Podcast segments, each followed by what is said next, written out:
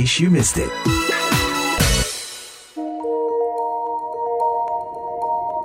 bukan hanya bullying tapi misalnya bagaimana celana aku dipelorotin terus kemudian orang suka nyodok-nyodok bagian selangkangan. Itu kan kekerasan seksual gitu. Laki-laki itu selalu dianggap uh, menginginkan hubungan seksual gitu sehingga mereka uh, tidak bisa uh, diperkosa. Kalau itu antara laki-laki kan disebutnya pencabulan bukan perkosaan Música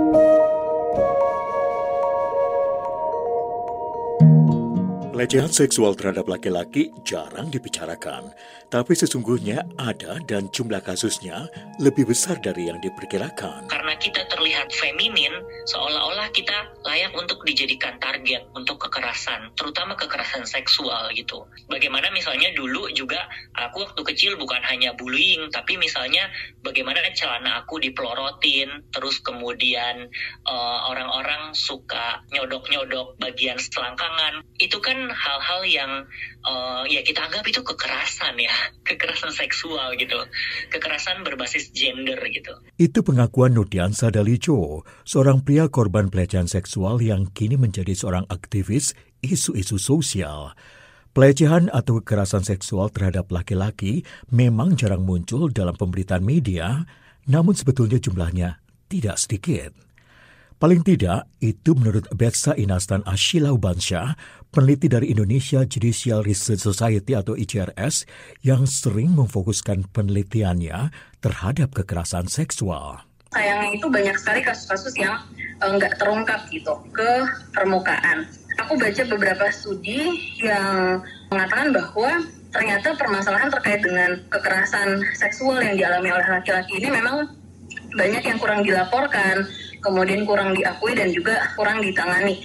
Studi Koalisi Ruang Publik Aman atau KRPA baru-baru ini mengenai kekerasan seksual selama pandemi menunjukkan tiga dari sepuluh laki-laki pernah mengalami pelecehan seksual di ruang publik.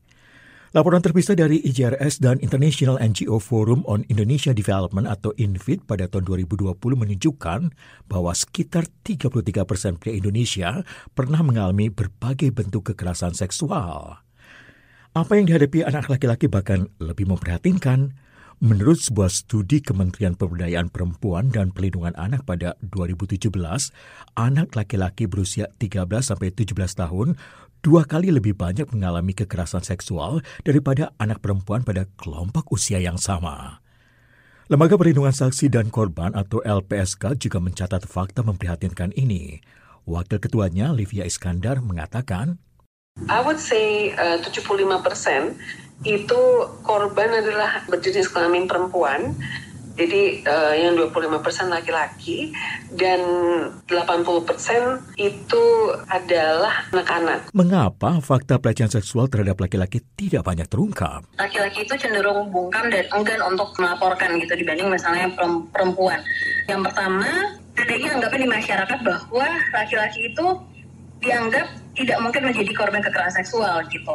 Kalau misalnya laki-laki itu dia harus maskulin, dia harus kuat, dia harus dominan gitu sehingga mustahil ketika mereka ini menjadi korban kekerasan seksual gitu. Hal ini juga sesuai dengan hasil survei kami. Mayoritas masyarakat itu menganggap bahwa kekerasan seksual itu lebih wajar dialami oleh uh, perempuan kalau dibandingkan dengan laki-laki. Seperti itu. Kemudian juga ketika misalnya laki-laki menjadi korban kekerasan seksual, maka akan ada pertanyaan dari masyarakat gitu kan. Kenapa laki-laki tersebut tidak kabur, tidak melawan seperti itu, tidak bereaksi apa pun gitu, tidak membela diri seperti itu. Sehingga laki-laki ketika menjadi dia mengaku bahwa ia merupakan korban pelecehan, itu akan orang akan mempertanyakan maskulinitasnya, itu mempertanyakan terkait dengan orientasi seksualnya. Yang tak kalah menyulitkan adalah adanya anggapan keliru yang eksis selama ini di masyarakat. Adanya toxic masculinity yang menganggap bahwa laki-laki itu selalu dianggap uh, menginginkan hubungan seksual gitu, sehingga mereka uh, tidak bisa uh, diperkosa gitu.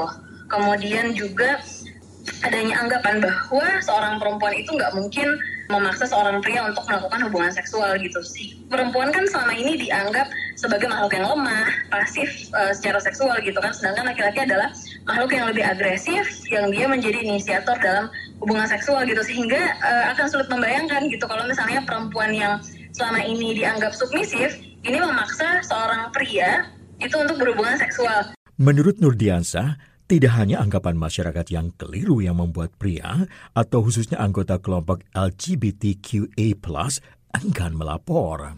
Bagaimana mungkin misalnya seorang laki-laki lapor ke polisi telah mendapatkan pelecehan seksual karena konteks relasi sesama jenis misalnya. Dan dalam konteks itu identitas kami yang queer kan kemudian akan akan terbuka. Jadi kami mau justru mempertimbangkan lagi keselamatan kami gitu. Kalau kami bilang ke kantor polisi, bisa jadi kami jadi korban lagi gitu. Jadi dua kali gitu. Karena kemudian persekusi terhadap orang-orang queer itu sangat nyata gitu terjadi. Dan nggak ada jaminan bahwa misalnya kepolisian ataupun um, pegawai di layanan publik yang bertugas untuk mengatasi persoalan itu, dia ramah terhadap queer dan bisa menjamin gitu aspek kerahasiaan gitu.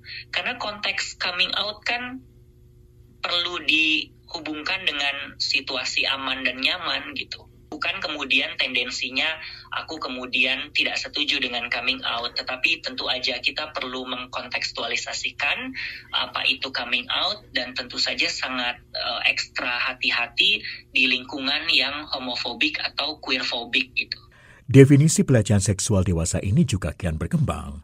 Pelecehan seksual bukan lagi aktivitas fisik seperti meraba atau memperkosa, tapi juga termasuk catcalling, memandangi seseorang dengan pandangan mesum, dan mengirim pesan foto atau video cabul. Pokoknya uh, pelecehan atau kekerasan seksual adalah tanpa konsen gitu sebenarnya intinya tuh tidak ada konsen dari uh, pihak korban. Sebagai salah satu pendiri Yayasan Pulih, sebuah yayasan yang mengkhususkan diri dalam layanan konseling trauma, Livia yang kini menjadi wakil ketua LPSK sebetulnya cukup akrab dengan kasus pria sebagai korban kekerasan seksual.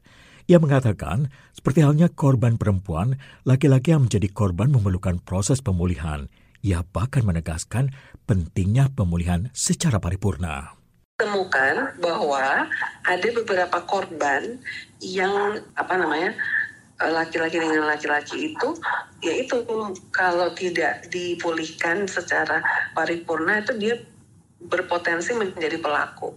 Ada jadi ada yang berbalik jadi pelaku tetapi bisa juga melakukan dia e, menyakiti diri sendiri karena yaitu tadi stigma yang negatif itu kan sangat lekat ya pada korban yang laki-laki gitu kan sehingga dia bisa e, juga menyakiti dirinya sendiri gitu dan memang yang kita temukan ada beberapa yang memang saking saking malunya tuh kemudian ingin melukai dirinya sendiri. Livia mencontohkan kasus Reinhard Sinaga, seorang pria asal Indonesia yang memicu kegemaran di Inggris. Reinhardt dijatuhi hukuman penjara seumur hidup oleh pengadilan Manchester pada September 2020 karena terbukti bersalah dalam 159 kasus pemerkosaan dan serangan seksual terhadap 48 korban pria. Dia ternyata tuh korban dari pamannya sendiri waktu dia kecil. Bagaimana perlindungan hukum terhadap laki-laki korban pelecehan atau kekerasan seksual di Indonesia? Betsa dari ICRS mengatakan itu masih memprihatinkan. UHP atau Kitab Undang-Undang Hukum Pidana di Indonesia masih memberikan perasaan yang sempit uh, terhadap uh, laki-laki korban perkosaan gitu ya. Kalau misalnya kita lihat ke pasal 285, di dalam pasal itu tuh dibilang bahwa uh, korban perkosaan itu harus perempuan yang mengalami kekerasan ataupun ancaman kekerasan gitu kan sama uh, kita temukan juga di beberapa pasal lainnya misalnya pasal 286 atau pasal 288 KUHP di mana di situ bunyi pasalnya adalah Barang siapa dengan kekerasan atau ancaman kekerasan memaksa seorang wanita bersetubuh dengan dia di luar perkawinan. Nah, e, kenapa pasal bunyi pasalnya seperti itu? Karena kalau misalnya melihat dari menurut e, R. Susilo itu pembuat aturan itu memandang bahwa pemaksaan persetubuhan terhadap laki-laki itu dia tidak mengakibatkan sesuatu yang buruk gitu. Seperti halnya pemaksaan persetubuhan terhadap perempuan gitu kan. Kalau misalnya perempuan itu kan mungkin akan hamil dan melahirkan gitu. Kalau misalnya terhadap laki-laki kan dampaknya apa gitu kan. Sehingga pada akhirnya uh, aparat penegak hukum selama ini menggunakan uh, pasal-pasal yang lebih netral gender lah gitu. Uh, karena di pasal-pasal yang netral gender ini seperti misalnya pasal 289 dan pasal 296 itu tidak memandang apakah perbuatan itu dilakukan oleh laki-laki terhadap perempuan maupun sebaliknya R. Susilo yang dimaksud Betsa adalah penulis buku Kitab Undang-Undang Hukum Pidana beserta komentar-komentarnya. Livia lebih mempersoalkan istilah yang digunakan dalam pasal-pasal KUHP terkait pelecehan seksual terhadap laki-laki. Di KUHP yang sekarang ini, kalau itu antara laki-laki kan disebutnya pencabulan bukan perkosaan gitu. Dengan pencabulan tentu saja hukumannya itu kan akan lebih ringan daripada kalau itu perkosaan. Padahal kalau itu laki-laki eh, dengan laki-laki uh, sebenarnya ya definisinya mestinya adalah perkosaan gitu. Meski masih memprihatinkan, Betsa dan Livia sama-sama optimistis bahwa pelindungan hukum bagi korban laki-laki akan mengalami perbaikan di kemudian hari. Uh, tahun 2022 ini kita baru punya yang namanya Undang-Undang uh, Nomor 12 tahun 2022 tentang tindak pidana kekerasan seksual yang menurut saya ini jauh lebih uh, responsif gender ya karena uh, di sini tidak ditentukan kekerasan seksual itu apakah dilakukan oleh laki-laki atau perempuan gitu. Karena uh, korban yang dimaksud dalam undang-undang ini itu tidak disebutkan apakah dia laki-laki perempuan tapi korban yang dimaksud di dalam undang-undang ini adalah siapa pun setiap orang yang mengalami penderitaan fisik kemudian mental, kerugian ekonomi atau kerugian sosial yang terjadi karena adanya tindak pidana kekerasan seksual tersebut gitu. Jadi kalau misalnya kita melihat adanya perlindungan hukum bagi korban laki-laki, sebenarnya korban laki-laki pun bisa tercover dengan adanya undang-undang TPKS yang terbaru ini gitu karena dia lebih netral gender kan tidak disebutkan laki-laki atau perempuan. Bagaimana situasi di Indonesia dibanding negara lain terkait laki-laki korban kekerasan seksual? Beberapa artikel yang aku baca, memang kalau misalnya di negara-negara lain itu uh, sudah ada yang memang mengadopsi peraturan perundang-undangan yang responsif gender gitu. Tapi ada salah satu survei yang menyebutkan bahwa dari 189 negara itu uh, masih ada 21 negara yang belum memberikan perlindungan hukum yang komprehensif gitu terhadap korban laki-laki karena memang seperti yang kasusnya di Indonesia tadi, perkosaan terhadap laki-laki itu nggak didefinisikan seperti layaknya terminologi kekerasan seksual kepada korban perempuan gitu. Karena kan eh, seperti tadi saya bilang kalau perkosaan terhadap perempuan itu kan mungkin ada konsekuensi hukumnya ya yang berbeda ketika dengan laki-laki gitu. Kemudian juga masih ada negara yang memang mempertahankan hukuman untuk perbuatan sodomi yang dilakukan secara konsensual gitu kan di mana hal ini kan tentu akan membawa dampak negatif ya kalau misalnya secara konsensual padahal secara konsensual tapi mereka bisa dipidana gitu kemudian juga ini akan menjadi bumerang bagi memang laki-laki yang diperkosa oleh laki-laki lain gitu. Karena dianggapnya kan uh, suka sama suka. Kemudian kalau misalnya kita lihat ke negara-negara seperti misalnya Kenya, Chili dan juga Peru memang sudah ada sinyal positif terkait dengan upaya penanganan korban laki-laki, namun memang sebagian besar ini masih merumuskan jenis kekerasan seksual itu terhadap laki-laki itu sebatas uh, kekerasan fisik gitu dan juga apa namanya kalau misalnya aku melihat artikel di Afrika Selatan itu contohnya mereka memberikan penanganan khusus bagi perempuan korban itu agar dapat diberikan ruang untuk berbicara uh, si korbannya tapi tidak memberikan kesempatan yang sama bagi korban berjenis kelamin laki-laki gitu sehingga memang praktik di berbagai negara ini bisa jadi berbeda-beda. Bagaimana dengan Indonesia?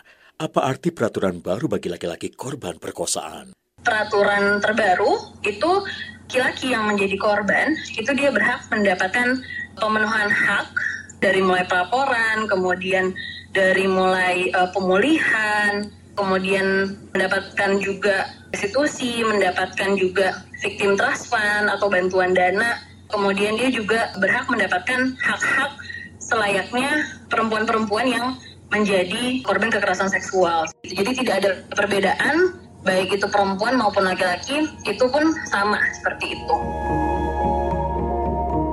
Arif Budiman, VOA Washington.